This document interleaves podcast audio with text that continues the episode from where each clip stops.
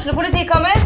Ine Jansen er purk. Er du purk? The motherfucking bitch. Alt jeg vil, er å finne ut hva som skjedde med mannen min. Jon Carew. Er jeg sikta for noe? Iben Akeli. Det er du. Ole So, Lars Berrum og Big Daddy Karsten. Hvem sin side er du på, egentlig? Anette Hoff, Tone Danielsen, Kommer du fra Afrika? Jørnis Josef, Nesten. Kløfta. Trond Espen Seim, Det er synd å si det, men det var feil mann som døde. Purk. Premiere tirsdag på TV2 Play. Dyrisk desember med podkasten Villmarksliv. Hvorfor sparker elg fotball? Og hvor ligger hoggormen om vinteren? Og hva er grunnen til at bjørnebinna har seg med alle hannbjørnene i området? Svarene på dette og mye mer får du i podkasten Villmarkslivs julekalender Dyrisk desember, der du hører på podkast. SA-podden presenteres av Fleksi. Regnskap med et smil.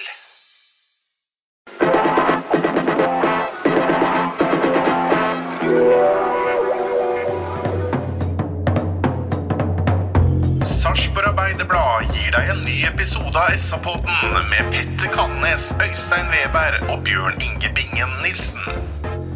Mornings og hjertelig velkommen til en ny fotballpodkast her fra SA. I studio så sitter mannen som er den keeperen i norsk fotball som har spilt seriekamp høyest oppe i seriesystemet med solbriller. Velkommen, Bingen. Tusen takk for det. Her sitter også en annen mann med mange talenter. Blant annet så har han eh, et, eh, en hang til å fremføre Mats Rådbergs udødelige hit 'Det er ikke lett at var ødmjuk' ved jevne og ujevne mellomrom, Svein Weberg. Hei og takk, det er helt riktig. Og vi skal heller ikke glemme at unge Veberg fyller 55 år i dag. Har du fått noe fint til bursdagen din? Det har jeg fått, og bare for å si én ting Jeg er redd dette slår i hjel den myta om at alder bare er et tall. For eh, det jeg ønska meg mest eh, til bursdagen i dag, det var nye tøfler. Og det har jeg fått, og det er jeg veldig glad for. Jeg kan aldri huske at jeg ønska meg nye tøfler før, men det var årets gave. Tøffelhelt, altså. Ja, jeg ber jo om det. Herlig. Men eh, Bingen, før vi preker om eh, fotball, så lurte jeg på den der eh, solbrillene. Hva var det for noe? Jeg kom på det i stad. Det er helt sant, det. Det er Dag Dagen Avestad trener. Vi spilte om opprykk. Vi skulle til Fram Larvik, og jeg hadde fått virus på øyeeplet. Og klarte ikke å verken se mot lys eller sol eller alt som var. Og jeg måtte gi beskjed til Dag på fredag vi dro på lørdag til Larvik at eh, jeg kan ikke stå, men han ville at jeg skulle være med. Ta med deg bagen og være med. Det er eh, en bra støtte for gruppa om du sitter på benken og har på deg reservedrakta. Fem minutter før vi svinga inn til Larvik, så tok eh, Dag Navestad ba bussjåføren også kjøre inn til høyre på, buss, på bensinstasjonen. Kjøpte et par solbriller som var lilla, som var farga svarte. Og da skjønte jeg det at der, da måtte jeg stå. Og så skulle Reimar Halvorsen Jeg måtte jo få dem til å sitte fast.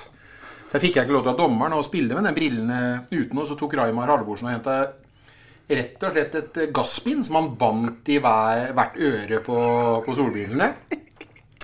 Og så hang de litt for langt ned, så tok jo Reimar eh, eh, lighteren sin fra lomma, og så fyra han opp og det, sa jo bare boff, sa det.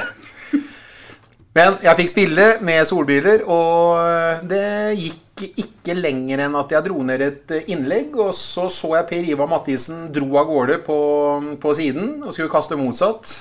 Så mista jeg øyekontakten med han. Og det gikk som det gjorde, at du skal holde igjen kastet, så hiver du rett i ryggen på spissen. Ja. Og måtte felle den. Ble ikke vist ut. Straffe. Skjerpa meg. Gikk rett i hjørnet. Og når du tar en straffe da Når du dreper han som tar straffa, det er når du holder henne fast. Og det var det jeg gjorde. Med briller. Med solbriller. Ja, det er herlig.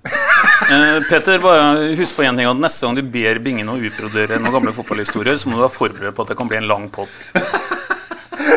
Det er bra. Skal vi avslutte introduksjonen? Fast grep, altså. Ja, grep, Skal vi avslutte introduksjonen med å si at jeg heter fortsatt Petter Kalnes, er fortsatt yngst i denne podkasten, men også i særklasse mest hjulbent. Det er vi også enige om, alle sammen.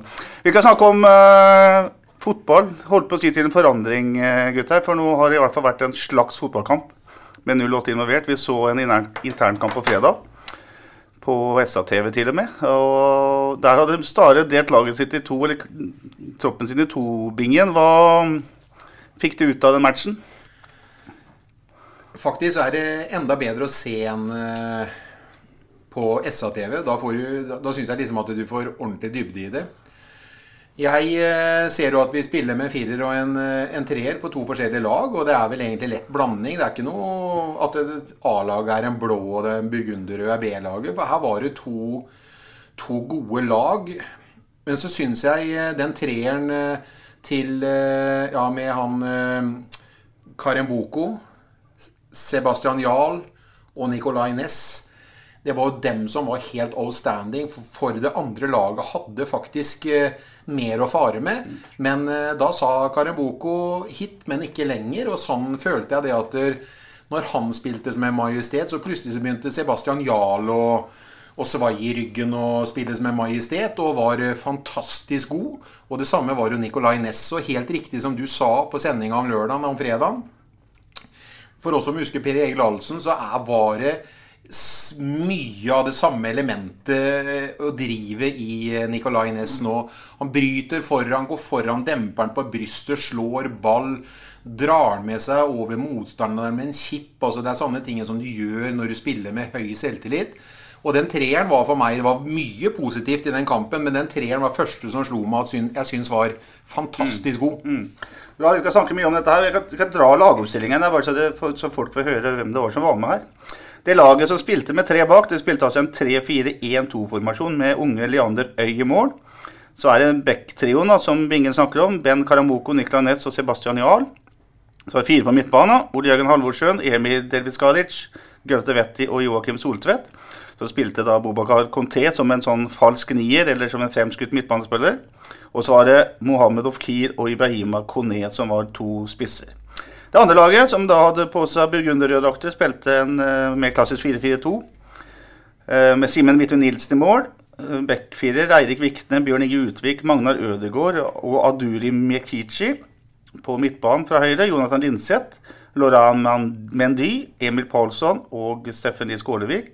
Og så var Kristian Fardal Opseth og Rashad Mohammed spisser. Og Stein, det, det har kommet inn i hvert fall to angrepsspillere her, to spisser, én på hvert lag her. Unnskyld, Kone og Fardal Opseth, som vi har store forventninger til. Ja, absolutt. Og uh, Fardal Opseth satte jeg tidlig et lite sånn et uh, kryss i margen på. Uh, han viser jo fotballkløkt. og og viser jo at han egentlig kan også spille en litt sånn tilbaketrukken posisjon. For måten han stikker gjennom spissen ved et par anledninger der, tyder jo på at han, han, eh, han er fotballklok, det er ikke noe tvil om. I Kones har jo fått en, uh, fått en uh, bjesse av dimensjoner. Det er mye muskler, og det tror jeg de kjenner daglig på treninga der nede. For, for det, er, det, er, en ordentlig harding. La oss merke til to tidlige dueller der, Bingen, der Utvik går opp og mener at her er jeg kongen i lufta, og så kommer han Kone og bare feier unna, faktisk. Ja, og det har du ikke sett på trening. nå har ikke jeg vært like flink til å se på alle treningene i år som jeg har vært tidligere. Men uh, det jeg har sett, er at uh, han visste noe ekstra når det var drakter på mm. kroppene om fredag. Og Utvik tror vel òg har blitt litt vant til at han skal regjere, for han er jo en røffing i, i den, det, det luftrommet. Men så bare kom han inn, og så ja, han jula vel Utvik eh, i to ganger på rad her sånn i løpet av tre-fire minutter. Mm. Så det var en ny dimensjon ved spillet til Kone. Alle ser jo at han er full av muskulatur, men nå, nå har han begynt å bruke nå, i tillegg til ordentlig. Mm. Så er det altså to ulike formasjoner her, som jo er interessant. Eh, det er en back treer på det ene og en back firer på det andre. Eh, det som var 3-4-3 i fjor, er nå blitt en 3-4-1-2-formasjon på det da ene formasjonen her, med at man har to spisser sammen. Og det andre er også en 4-4-2, men det er også to spisser som jobber sammen. Eh, og vi så Du nevner allerede Rashad og Fardal Opseth her, eller Fardal Opseth som spiller gjennom Rashad. Jeg syns det er interessant at det er to spisser som er nærme hverandre. Du har jo sagt det før, Bingen, du vil ha 4-4-2. Du vil i hvert fall ha to spisser. Men det at han bruker ulike formasjoner, Øystein, eh, hva sier det? Er en trener som er usikker? Det er en trener som prøver flere formasjoner her? Eller prøver, prøver seg fram? Ja, usikker i den forstand at jeg tror ikke det er helt bestemt hvordan den eh, kommer til å fremstå. Jeg tenker at det at det er to forskjellige formasjoner, det, det går an å lese på minst et par måter. Eh, Men jeg tror ingen av dem er helt korrekte. For vi kan tenke oss at hvis du hadde satt opp dette her i et mer typisk A- og B-lag, som Bingen helt riktig sier, så var det ikke det. Det var jevnere fordelt enn som så. Da kunne en jo tenkt seg at selv om en ønska med eget lag å spille 3-4-3, så ønska en å møte en firer. For eh, med den enkle begrunnelsen at det er det vi tror vi møter mest eh, gjennom sesong. Men det går også an å se på det som det jeg tror det er, at en ønsker å se begge formasjonene i, i praksis. Eh, Både en firer bak og en treer bak, først og fremst, da, som er kanskje hovedforskjellen her. Uh, og eh, Kall det gjerne usikker, men usikker i en slags positiv forstand. En har veldig mye å spille på nå, og jeg tror ikke en har låst dette her på noen som helst måte. Ja. Du nevnte Dag Nanse, sa Bingen. Jeg har spilt mye med han og i Tuno. Der var det med to spisser. Det var Enten skulle ene spissen spille direkte gjennom andre, eller så var det opp ene spiss, legge tilbake, og så kommer en uh, gjennombrudd på andre spiss. Sånn så vi om fredagen. Ja, og han spilte jo, kan du si, med tre spisser på to lag, da. Og da var jo den enslige på det ene laget var jo, eh, var jo eh, Kone. Og så var jo eh, Rashad og Fardal Opseth på det andre laget. Og det er jo ikke noe tvil om det at Fardal Altså, Stare må ikke finne opp kruttet på nytt, for alle vet at Rashad har fart i, fart i, i bakrom, men han har nok ikke evnen til å spille tror jeg, eh, som eh, en av to spisser hvor han skal på en måte gjøre makkeren sin god. For det har han ikke rett og slett det fotballtekniske til å kunne gjøre. Men derimot Fardal Opseth, hvis man skal spille med en toer, så sy jeg syns det har vært råflott å ikke spille med, med, med en toer på topp. eh, For jeg ser jo konturene allerede etter den kampen her om da med Fardal Opseth. Han har jo evnen til å gjøre medspillerne sine gode. Han, han har en nydelig fin pasningsfot. Han kan gå ned og så slå blindt i rom mellom bekk og stopper, hvor Kone hele tiden går på diagonalløp og så luk lukter i bakrom. Dem for meg kommer til å være et frykta spisspar hvis det blir sånn. Nå setter jo jeg opp laget til hva jeg føler nå. Men eh, jeg syns det har vært råflott om ikke dem to skal spille sammen som to spisser i 08 i sesongen nå i 2021. Jeg er helt enig med deg. Det er, eh, og jeg så også skåringen til Kone der, Øystein. Et brassespark som er jo helt, eh, helt lekkert. Det er ikke vi ser jo ikke det hver dag på Sarpsborg stadion. Nei, det gjør vi ikke. Og litt sånn oppsummert i forhold til det Bingen sier nå. Nå er det jo en helt vanvittig konkurransesituasjon. Hvis vi, hvis vi skulle satt opp eh, kall det hvert vårt lag nå, så går det jo faktisk an å lande på opptil fem-seks forskjellige uenighetspunkter. For det er så små marginer, og, og det er litt i forhold til valg av formasjon. og og det er veldig, veldig små marginer, sånn head to head, som det heter på nynorsk. Så, så nå er det virkelig fyr i teltet og hard konkurranse for å få spille første seriekamp. Og jeg vil si en ting en til nå. Og jeg sa jo i sist program òg at jeg ikke skulle jo, skulle, hadde jo ikke tenkt å være sånn positiv før sesongen starta, for det er så lett å få midt i trynet igjen. Men vi har jo sagt nå etter Europaligaen at Berntsen nå må han opp i ringene og på jobb. Og det har Berntsen til de grader vært eh, nå i, i vinter. Han har eh, komponert en tropp som eh, det er bare for Stare til å forvalte. Altså, for her er det ikke noe vits i å lure på hvis du snur deg mot benken og får to kjappe skader i første omgang og hvem du skal sette inn. For her er, bare, her er det faktisk bare å fylle på. Her er det mye gode spillere nå, Ja, Petter. ja, jeg er helt enig med deg. og i den gjengen jeg har nevnt og snakker om nå, så var det jo også karer som Anton Saletros er ute. Uh, Bojang er ikke med, og Dyrestad er ikke med. Så det, og Anders Kristiansen, keeperen, er ikke med. Så her er det jo, som du sier, det er mange om beinet.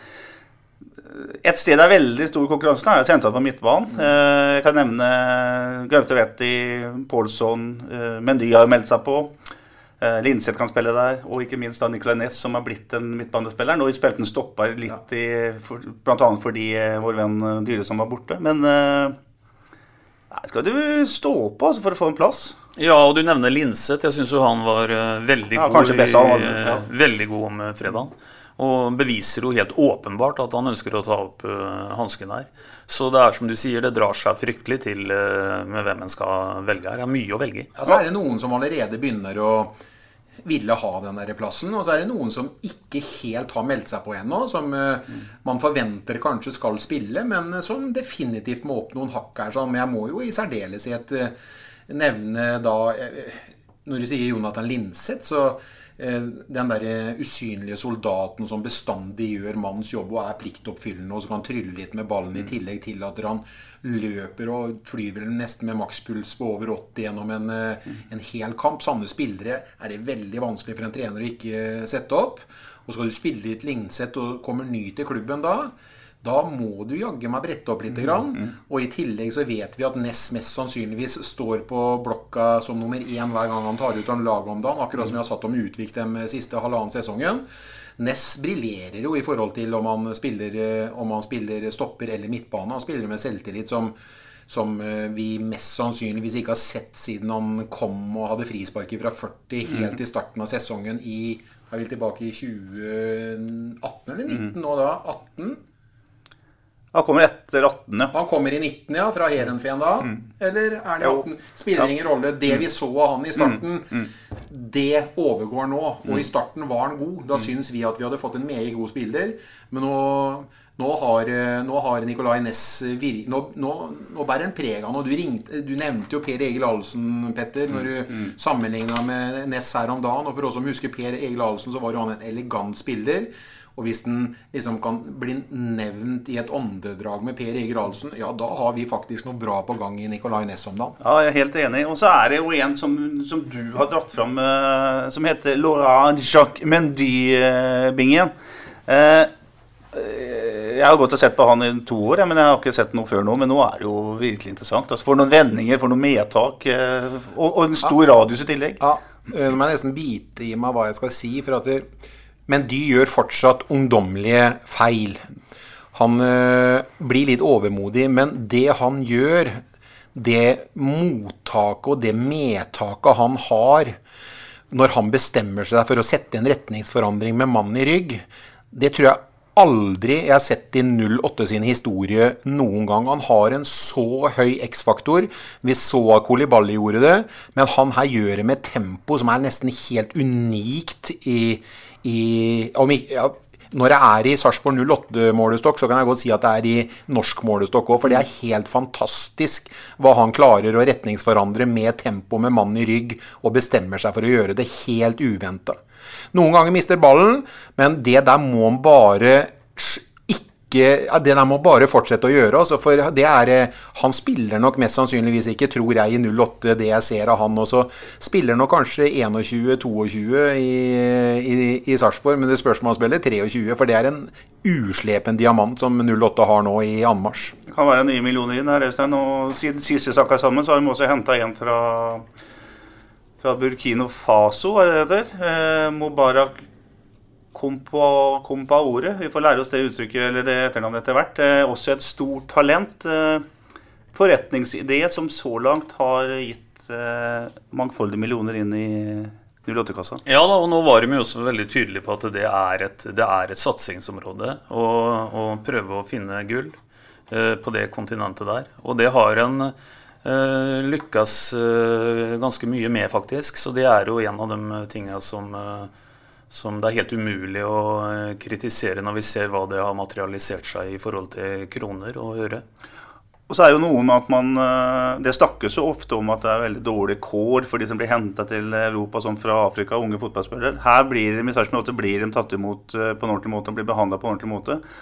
Og man får et, en mulighet til å lage sin egen framtid, eget ev- eventyr her. Og vi hører jo historier fra 08-systemet nå om, om fotballspillere her som ikke engang er på laget, men som tjener såpass med penger at de kan uh, brødfø familien sin hjemme i, i Afrika. Og det her er jo det er, det er faktisk solskinnshistorier, ja. selv om man ikke blir som Krepen Diata havner i Monaco. Men så er det et ettermæle etter det som har skjedd med, med helt ifra Aron Samuel og Krepin osv. Og, så videre, og det som skjer med Kolibali. og Alle kan ikke slå til på, på likt. Men det som er så fint med det der samarbeidet som 08 og Berntsen eh, og Bjørge har fått det med hva heter den, Fall, agenten, mm. og det Academy der, der er, han følger jo opp, han òg. Liksom, jeg ser han på trening i dag igjen, sitter og filmer sekvenser osv. for guttene og sikkert prater med dem. Men den oppfølginga og den farsfiguren han må være for dem, i tillegg at man, ikke bare agenten deres, men en farsfigur òg, det må jo være fantastisk støttende i tillegg til at 08 er en inkluderende klubb, og det ettermælet som de skaper ved å få fram de talentene og videreutvikle dem, hvor det både blir penger til 08 støtte til akademiet og til familien i landet de kommer fra. Det er klart at det, det er jo bare å forvalte på en best mulig måte.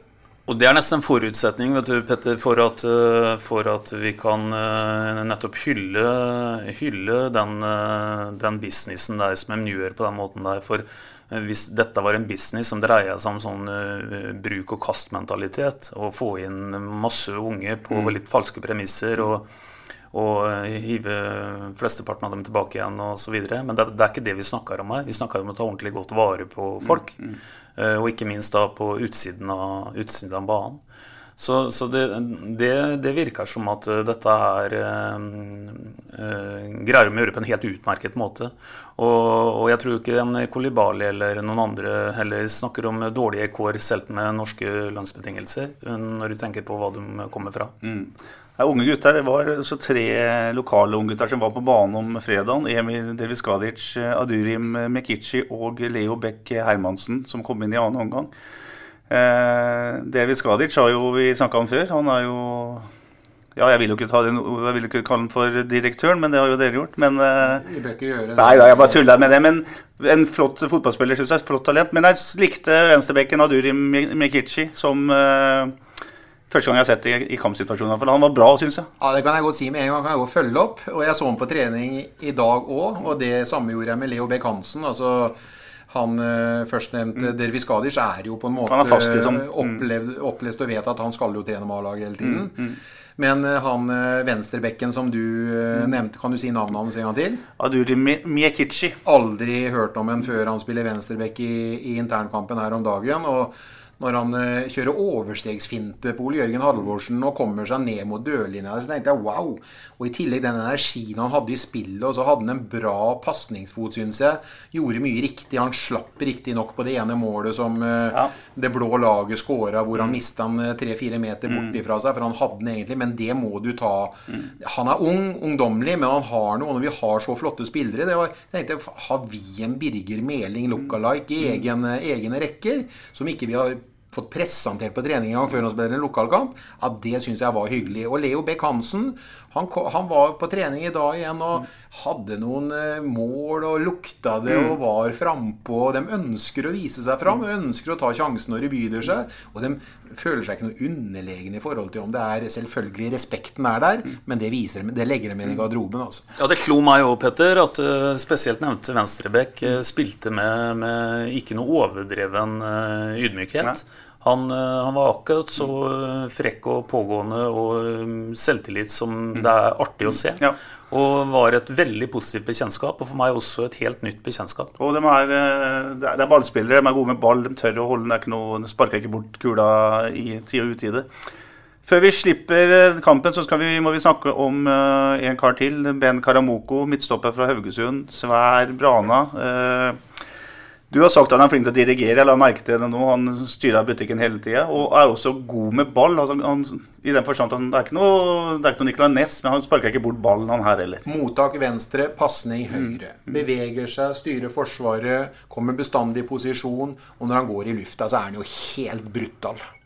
Så det er et veldig hyggelig bekjentskap. Og jeg gleder meg til å se hva Stare tenker om han og i forhold til treer og firer osv. Men det begynner nok å danne seg et bilde. Og heldigvis, får jeg si, for Stare sin del, så er det jo hyggeligere å trene ute i, i, i 10 pluss til 20 pluss, eller 5 som det var på stadion i Sola i dag, og, enn det var når det var 15 kuldegrader. Nå begynner guttene å vise seg fram, og at da seriestart skal være 1. mai istedenfor 2. påskedag mye å glede seg for på Stare, mener jeg, i tida som kommer. Og i tillegg til så sier jo kilden at guttene er kjempeslitne om dagen. Mm. Og de har trent knallhardt. Og det er jo det som er den største fienden, mest sannsynligvis, i den perioden vi har kommet i, hvor at seriestarten blir utsatt. At uh, periodiseringa blir fryktelig vanskelig. Ja, Hvordan løser man det? Altså, jeg, tenkte, jeg tenker selv, Hadde jeg vært fotballtrener, så hadde jeg tenkt nå er det 14 dager til eller 3 uker til Cæsar. Nå hadde jeg begynt å slippe opp. Det blir mer, mer spurting, kortere frekvenser, mer ballspill, avslutningstrening, dødballtrening, alt det greiene der. Men så må du da vente enda en måned. Du må jo holde uh, utholdenhetstreninga ved like, samtidig som du skal spisse. Uh, det er en utfordring det her, Øystein. Ja, det er en utfordring, men jeg tror at summen av det er positiv. Uh, kommer litt tilbake til det etterpå også, men jeg tenker sånn at, at det var en uh, bra beslutning. Uh, ikke minst var det en endelig avklaring på ting. Med mindre ikke det skjer noe helt oppsiktsvekkende nytt. Da, det vet en jo aldri. Uh, og jeg tror at det er noe vi trengte litt mer av nå, som var i tid. Uh, det har vært uh, veldig lite, kall det kamplignende ting som har skjedd denne våren her. Så, så, jeg tror at summen av det, selv om det er noen utfordringer, som du sier, så tror jeg summen av det er positiv. Og sånne ting er jo aldri helt svart eller helt hvitt. Det er en nyanse midt imellom, som alt annet. Du var vel enig i SA-poden som foreslo dette for flere måneder siden? det ikke? Ja, jeg kan egentlig si noe om det veldig sånn kort, for jeg foreslo for så vidt ikke det. Så høy og mørk er jeg ikke. Men det, du sa det hadde vært lurt, sa du? Jeg sa det hadde vært lurt, for jeg bare tenker at det hadde vært svært lite å tape på det. Og, og sikte seg litt mer inn på en, en myk oppstart i år. Men gjort er gjort. Sånn ble det. Men jeg tror den beslutningen som kom nå, den var helt nødvendig, og den var god. For selv om du fyller 55 år når dette spilles inn, så blir du aldri høy og mørk. Er, du, er, du, vet det. Altså i fysisk forstand, i hvert fall. Ja, i fysisk forstand så sliter jeg med både det høye og det mørke. Mm. Hva tenker du om uh, treningskamper? Det er, det er, avtalt fire kamper. Uh, Lillesøm, KFUM, Stabæk og Rosenborg da, i en sånn uh, generalprøve. Må ha flere enn fire kamper for at man skal være rusta godt nok. Syns du det? Ja, ellers så nå, jeg, nå, har jeg sett på en måte Nå har han vel spilt tre internkamper, og det er bra kvalitet. Nå fikk jeg sett den der ti mot ti, hvor hun spilte tre treere mm. på hvert lag mot hverandre. Så fikk jeg, gikk jeg glipp av den lørdag for uh, ti dager siden. Men så så jeg den her igjen. og fra å spille bare med gule vester til å spille med drakter, så løfter jo det betraktelig, det òg. Det er mye bra kvalitet. og det som, er, eh, det som er det fine med det, er at du, du får se noen i dine egne rekker. og dem som du kanskje bare får sett på trening og nesten ikke får være med å spille hvis det skal være 11 mot 11 ellers, de får jo vist seg fram på en veldig fin måte. Og hvis de skulle bare ja. Og så er det veldig ofte en sånn som jeg misliker ved det at når man skal på en måte bruke troppen, så blir det ofte bytta, bytta bort bytta i hjel i annen omgang mm, mm, veldig ofte. Mm. Her får du spilt med full gass i to omganger, selv om den ene var på 40 og den andre var på 30 om fredagen. Mm. Så er det, syns jeg, positivt. Og da får du noe sånn uventa, sånn som han junioren på venstre, og Mendy, da, som spilte i den første kampen hvor han spilte ti mot ti, som da Stare ikke fant noe plass til. Eh, plasserte den egentlig venstrebekk og skulle mm. demme opp for Boyang. Og så plutselig begynte Karemboko å dirigere den og kjørte den og prata på den en selvtillit. Og Boyang slet jo om å komme forbi den, og hvis han kom forbi den, som er fart, fart og forse til Boyang, så, ikke, så, så, snudde jo Mendy og bare løp mm. på skulder til skulder og ni kast i kast bortover, og Mendy reiser seg opp. Og det er sånne ting som man får sett nå, da, som man ikke ville fått sett kanskje hvis den skulle spilt Norrköping, Hammarby, IFK osv. Vålerenga nå. Nå får en sett dem igjen. Altså, det, det, fører med seg noe godt i disse koronatider, det her òg, altså. Men her er vi jo med noe av dilemmaet, vet du, Petter. For dette var en, inter, en internkamp, som Bingen sier, og, hvor, og det var 23 stykker til slutt som fikk lufta seg den dagen der. Det som blir utfordringen nå, når en skal i gang med, uansett hvordan vi snur og vender på det, et relativt begrensa antall kamper, og så ønska vi jo heller ikke, som Bingen er innom, å bytte i hjel i disse kampene. Så nå blir det en spissing som må gå litt på bekostning av spilletid for uh, gode, mm. gode, fotballspillere. Mm, uh, det blir en utfordring å se hvordan en, uh, håndterer det. For det er klart det er ganske interessant at her starta en altså på, på, på fredag med 22 mann. Uh, Bingen skryter veldig av nummer 23 som mm. kom innpå. Mm. Vi hadde ikke med oss en Bojang, vi hadde ikke med oss en Anton Saletros, vi hadde ikke med oss en Dyrestam. Så her er jo faktisk uh, et tjuetalls uh, spillere her mm. som, som det ikke er utenkelig at det har en indre våt drøm om å mm. krige til seg en plass. Og det står litt i konflikt med et relativt begrensa antall kamper, hvor du tidlig nå må spisse inn på det du på en måte tror på. Og det blir interessant å se hvordan det blir håndtert. da. Ja, også da ser det kommer i gang hvorvidt man har klart å sette det laget, eller om man må bruke mai måned f.eks. på å få satt et lag på en ordentlig måte. Sånn det ser ut som blir jo andre påske da datoen for første treningskamp, sannsynligvis. Så det betyr at man har da en uh, kort måned da fra første treningskamp til uh, serieåpning. Hvis ikke det kommer noen andre beskjeder rundt det der. Vi kan snakke litt om uh, hva som har skjedd sist i år i podkast. Så har man ansatt en uh, dødballtrener i Sarpsborg 08. Og det betyr at uh, det nå er ti stykk som er tilknytta laget på en fotballtrening på stadion. Jeg kan ta navnene bare så vi får et lite innblikk i hva dette handler om. Det handler om Mikael Stare, Magnus Edlund, Fredrico Moraes, Erik Holtan, litt av noen navn. Dag Tore Bergerud, som er analytiker. De tre første er da liksom på en måte de hovedtrenerne. Holtan er keepertrener. Kjetil Berge er fysisk trener. Ole Martin Ellingsen og Peter Øren de har tar seg av fysioterapeuter. Så er Patrick Persson altså blitt uh, dødballtrener, og så er Louise Rogers uh, Holte ansatt som uh, mental trener. Så er et par materialforvaltere i tillegg. Du bør ikke tvile på at de er blitt tatt godt hånd om, Bingen, men jeg ser på nettet når jeg skriver at uh, det skal komme en dødballtrener, så er det mange som mener at dette er litt råflott. Uh, er det litt, uh, begynner det å bli litt i overkant, dette her, eller? Jeg skal i hvert fall ikke kritisere det i forkant. Jeg leste jo at han hadde en finger med i, fjor òg. At mm. de brukte den ca. 150 timer eller noe sånt nå.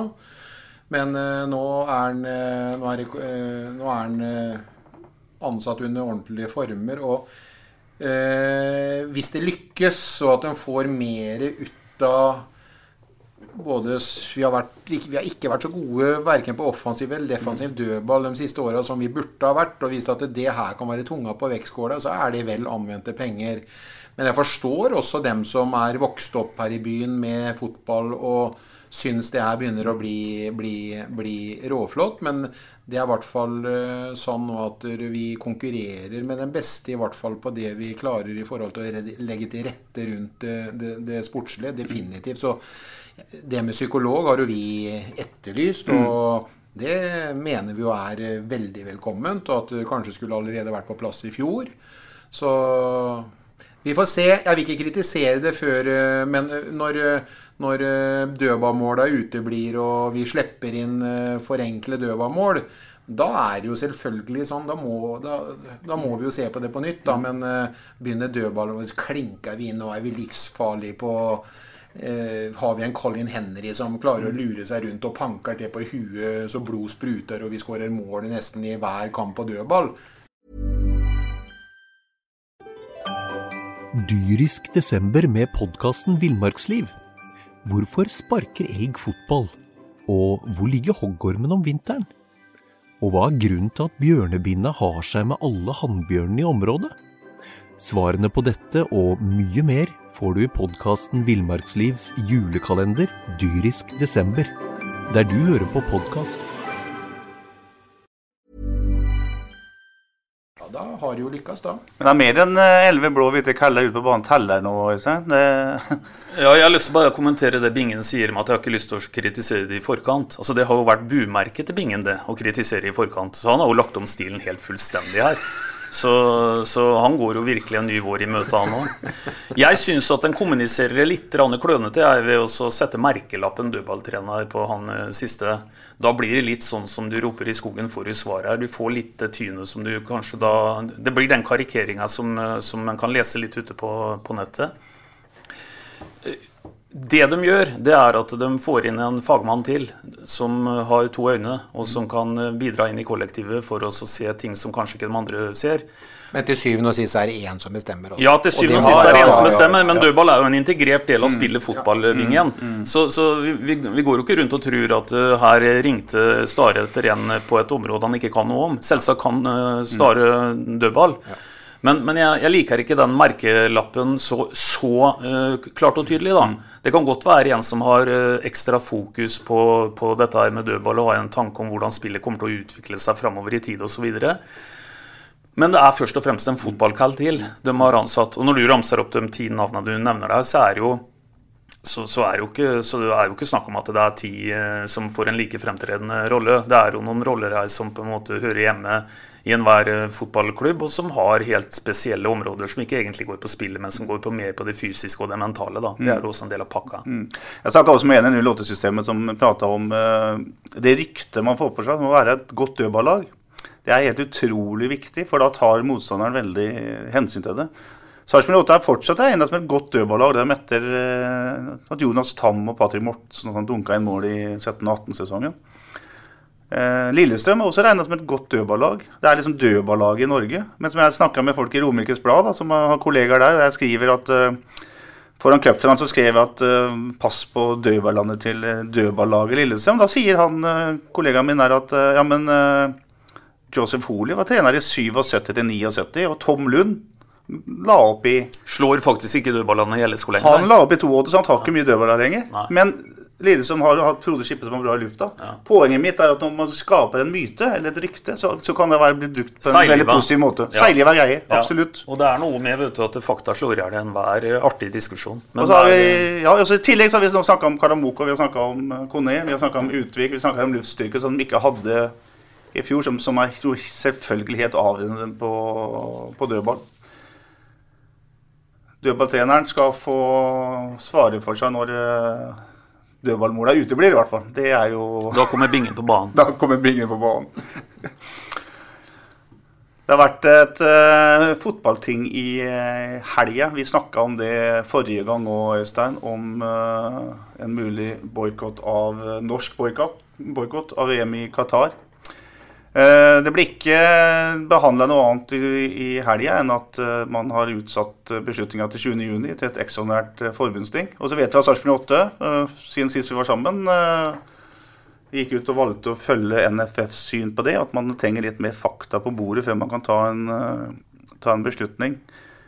Er et feigt fotballforbund, et feigt fotballting, et feigt Sarpsborg 8 her, eller er det naturlig at man må vite mye før man tar sånne eh, store avgjørelser. Nei, akkurat nå så syns jeg egentlig ikke det. For det er ikke sånn at det er utsatt på ubestemt tid. Det er utsatt til er i 20. juni som er mm. datoen. Mm. Den ekstraordinære tingdatoen. Uh, det er greit, det.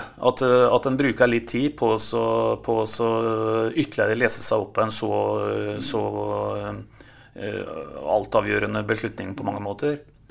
Og så er det et poeng til, og det er at Uh, dette kunne sikkert vært diskutert i Fotball-Norge både i 2016, 17, 18, 19 og 20. I stedet så kom det som en slags tsunami i februar 2021. Og, og da er det alltid lurt, når, når det blir litt sånn oppheta, at en puster litt med maven. Og, og, det å bruke tre måneder til på en sånn beslutning, det betyr ingenting. Hva som blir utfallet av denne diskusjonen, det vet jeg ikke. Men det å innhente litt mer, mer kunnskap om eh, temaet, det, det, skader ikke.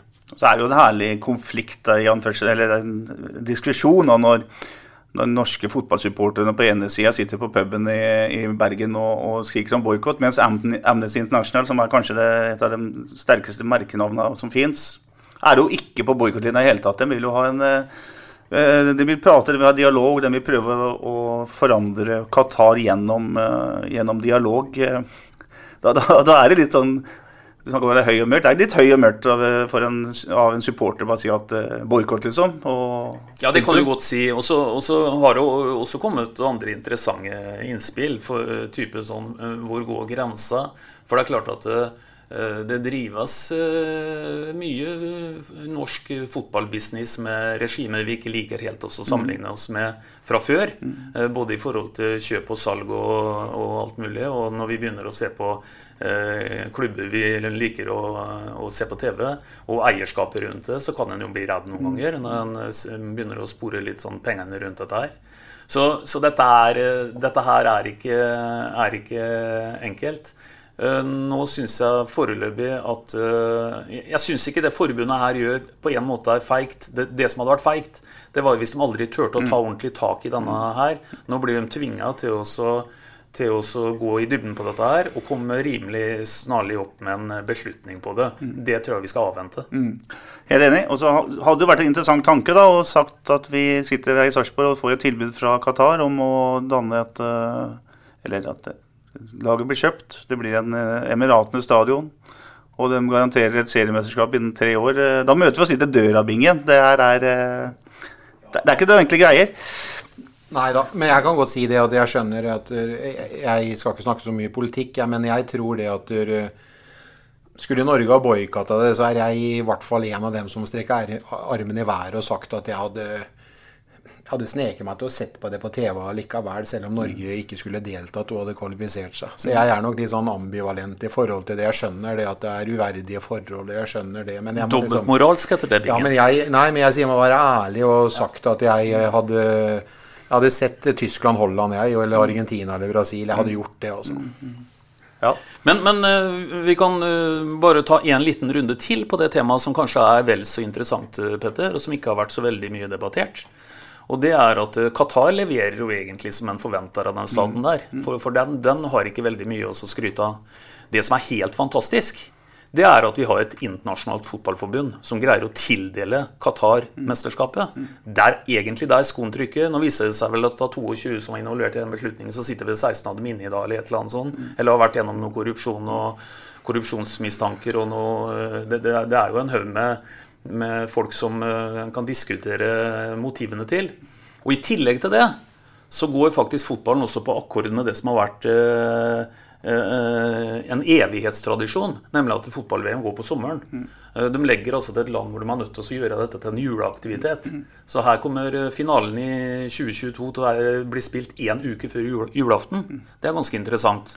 Og, eh, og det er kanskje vel så interessant å diskutere det, den, eh, den, eh, altså Fifa i denne sammenhengen. Ja, og I forlengelse av det så lurer jeg fælt på hva Fifa egentlig uh, legger i kjølvannet etter beslutninga om å gi Qatar fotball-VM. Hvilke krav stiller da Fifa til f.eks. Uh, menneskerettigheter, som jo bør være en selvfølge, og som er en selvfølge i de aller fleste land i, i, i verden, for dem som er i posisjon til å arrangere fotball-VM.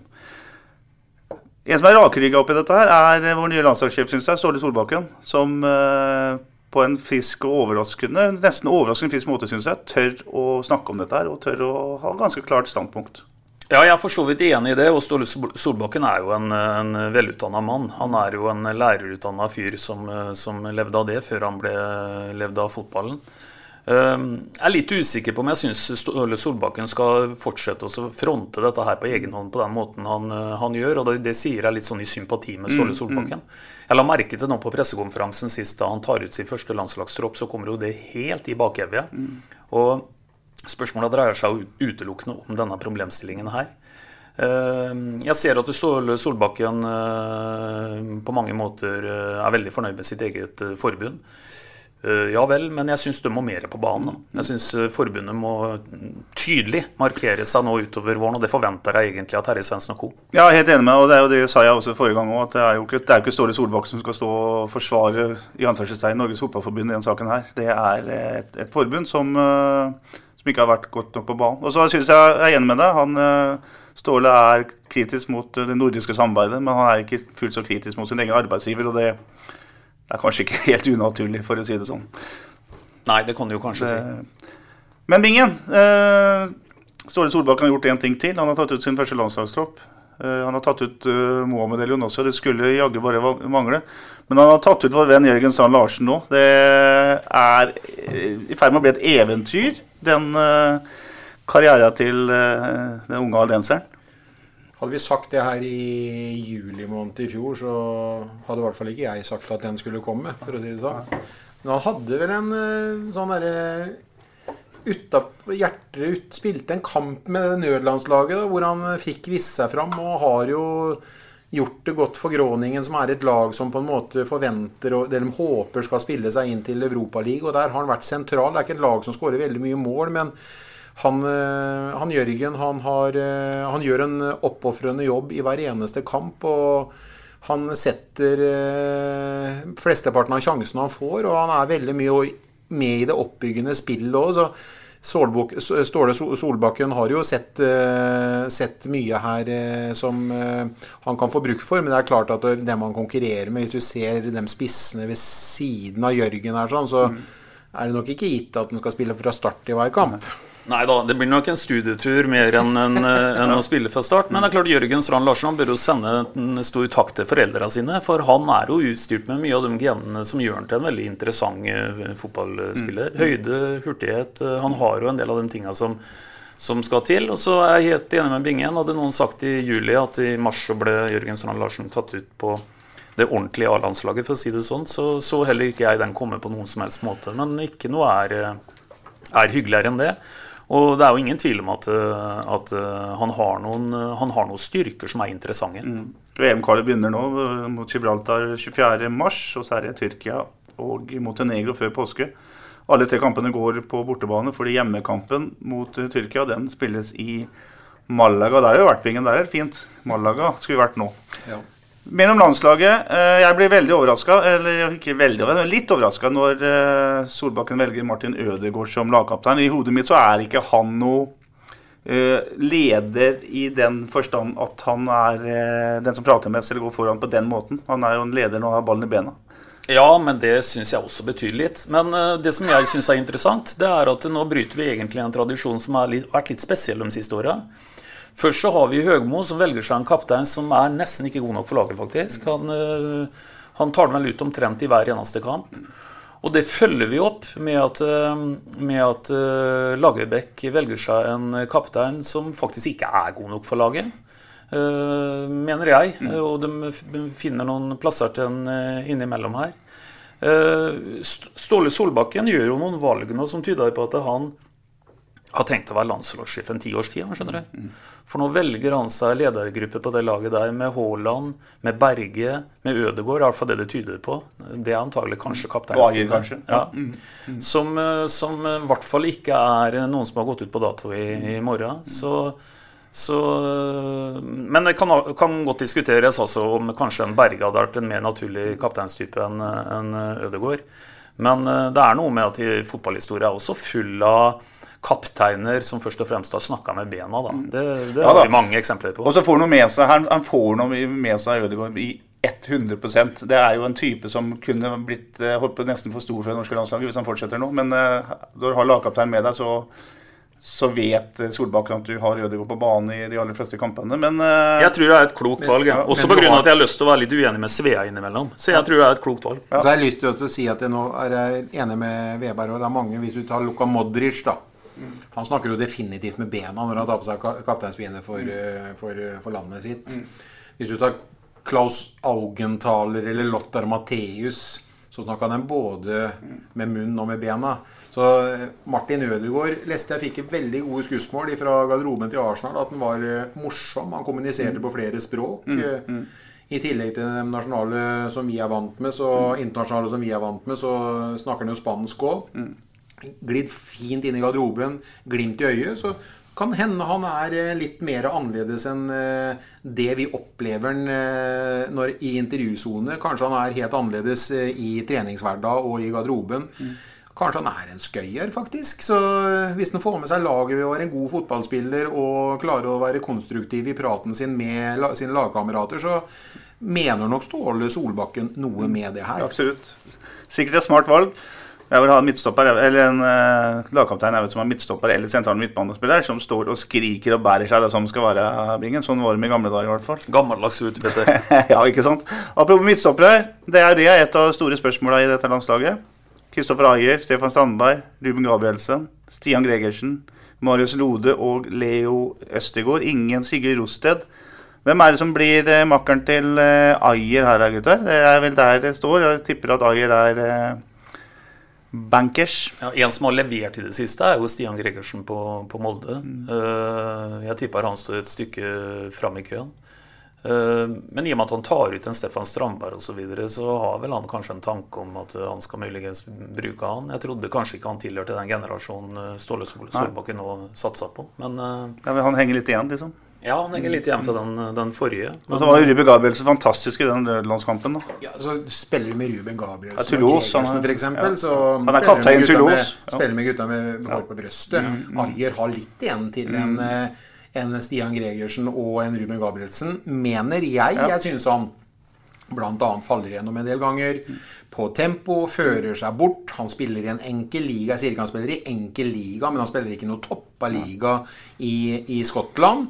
Og jeg kunne godt tenkt meg at han visste enda litt mer i forhold til hva de snakka om, om, med, om han når han var 16-17-18 år. Jeg syns kanskje at det har flata litt ut. Jeg mener ikke at han ikke skal med i troppen, men at han er så selvskreven som du sier, Petter, det stiller jeg spørsmålstegn ved. Ja, vi får se. Østigård er også fast i Coventry og gjør det bra der. Så det er jo det er ikke så hakkende gærent allikevel som man har et inntrykk av at midtstoppersituasjonen eh, liksom er. Men det er vel ikke sånn det var før, da, da man hadde på en måte to stopperpar i, eh, i toppen av Premier League. Det, sånn er det ikke i norsk fotball lenger. Før vi nærmer oss, eh, vi nærmer oss slutten, men eh, vi leser litt om hva som skjer i Sarpsborg 8 utenfor banen nå, Øystein. Vi leser om eh, et eh, fantastisk overskudd i et eh, vanskelig, vanskelig 2020. Vi leser om at han bruker en million på å pusse opp garderobe og styrkerom. Penger man også bruker sjøl. Og så er det nå opprusting av storskjerm, og det er nye reklameskilt rundt banen. Det gjøres ting Det er ganske imponerende. Ja da, det er veldig imponerende. Og samtidig så er jo fotballøkonomi veldig skjøre ting også. For det er klart at her er det jo sånn at en fikk gjennomført et par salg i sommer som var helt avgjørende for at en står der en står i dag.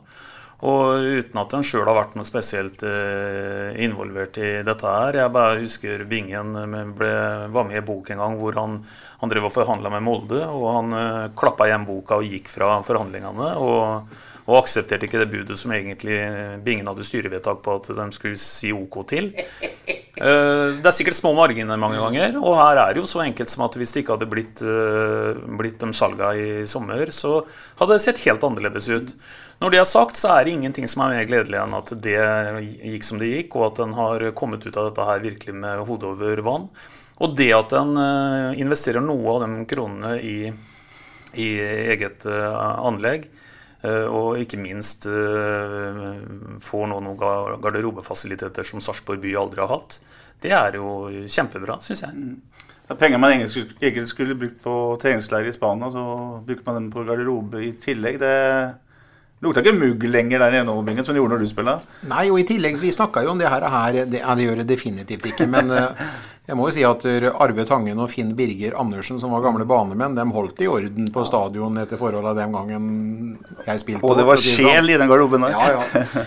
Men eh, jeg må jo si det, og vi snakka om det i fjor, at klarer vi oss gjennom den sesongen, altså 2020-sesongen, og unngår en rykke ned, så vil vi eh, ha et fortrinn eh, inn i sesongen 2021 økonomisk i forhold til mange andre klubber, og det viser seg jo at vi har.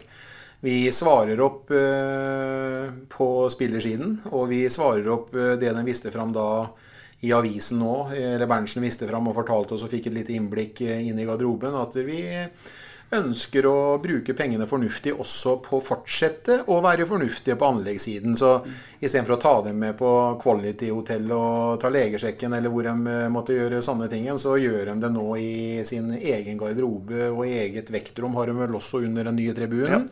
Så det begynner å bli og det her er ikke snakk om å være råflott, men her følger du tida. For at i moderne fotball så står eh, det medisinske med, med en del spillere som ikke er tilgjengelige for verken trening eller kamp eh, år igjennom. Og er det, mer, er det ikke mer enn rett og rimelig at de skal, eh, skal gjøre det i sine egne fasiliteter. Og så tenker jeg, Petter, eh, for å ytterligere nå liksom bygge litt opp under eh, det vi skal i gang igjen med nede på Enende, eliteseriefotball, så eh, skal jeg bare presisere én ting til som gjør at du understreker hvor bortskjemt du og jeg og Bingen er osv., som kan snakke om et eliteserielag her i byen. Eh, Jeg skulle lage en, eh, en liten historie nå til noen eh, som gikk på fotballsamarbeidet, og da måtte jeg sjekke ut et par fakta-ting. Og vi har jo snakka om at nå går eh, Sarpsborg i gang med den eh, niende strake eliteseriesesongen. Og da sjekka jeg ordentlig ut hvor bra er det i forhold til dagens eliteseriemotstandere. Og vi har jo snakka om at det er sikkert topp åtte, kanskje topp ti i Norge. Det er faktisk topp sju. Det er bare Rosenborg, Molde, Odd, Godset, Haugesund Og så mangler det en klubb. Og Vålerenga, som er de seks andre klubba. Og vi er den sjuende. Så vi er altså inne på en eksklusiv topp sju-liste i Norge eh, når, når det gjelder eh, rekorden nå med, med eliteseriefotball. Og det syns jeg er fantastisk bra. Det må vi ha med oss. Poddens overtid. Overtida i dag den handler litt om å ta ting for gitt, eller kanskje det stikk motsatte. Det skal jeg snart komme tilbake til. Da er det som sagt endelig bestemt. Seriestarten utsettes i fire uker og starter 2. mai. Hadde forbundet ringt til oss i podden, noe jeg regner med at de ville gjøre framover, så hadde dette svaret vært gitt omtrent i romjula. Ikke for at det på noe tidspunkt var noen som kunne vite hvordan den smitteutviklingen ville utvikle seg, men kun rett og slett fordi det ville vært svært lite å tape på en sånn litt mykere start i år 2021. Det verste som kunne skjedd, hadde egentlig vært å komme til påske og så da eventuelt si vi kunne egentlig ha starta denne helga. Oppsida det hadde vært egentlig flere ting. Man hadde spart seg for utallige diskusjoner som har vært nå utover våren, som har innehatt ord som uvisshet. Det får være nok om eh, hva var det vi sa for denne gang. Hvis vi nå forholder oss til denne beslutningen da, som er tatt, så er det mye positivt med den. Og så da vil jeg trekke fram noen momenter. Nå får vi bedre tid til å få relativt mange nye navn til å bli det jeg vil kalle for sportslig integrert. Det er en stor plussfaktor. Eh, sannsynligvis vil det jo være bedre og varmere vær. Eh, jeg sjekka for øvrig på yr.no at den 2. mai så går sola ned klokka 21.12. Så da er det sol hele kampen, Petter. Eh, det vil helt sikkert være flere vaksinerte den 2. mai enn det er eh, den 5. april. Og det betyr at det er grunn til å håpe på at det kan komme flere tilskuere på arrangement. Og ikke minst, det vil bli et litt tightere kampskjema utover, men for oss eh, fotballnerder så er det bare et pluss. Summen av alt dette gjør at det er all grunn til å glede seg til 2. mai. Jeg kjenner i hvert fall at det kiler i maven allerede. Jeg tror 2021 blir året som blir huska for to ting. Det ene var at vi tok knekken på en pandemi og begynte å leve mer eller mindre normalt igjen. Og punkt to, det var det året vi satte enda mer pris på ting som vi tidligere antagelig har tatt litt for gitt. Deriblant eliteseriefotball på enende. Limene, Vi lot altså bursdagsbarnet Øystein Weberg få siste ord i denne sendinga. Takk for kampen til Bingen og Øystein. Og så gjør vi som vi pleier, vel. Vi sier vi, Vi prekas. Vi taper aldri. SA-podden presenteres av Fleksi. Regnskap med et smil.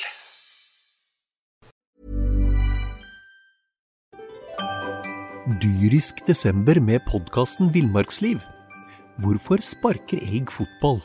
Og hvor ligger hoggormen om vinteren? Og hva er grunnen til at bjørnebinna har seg med alle hannbjørnene i området?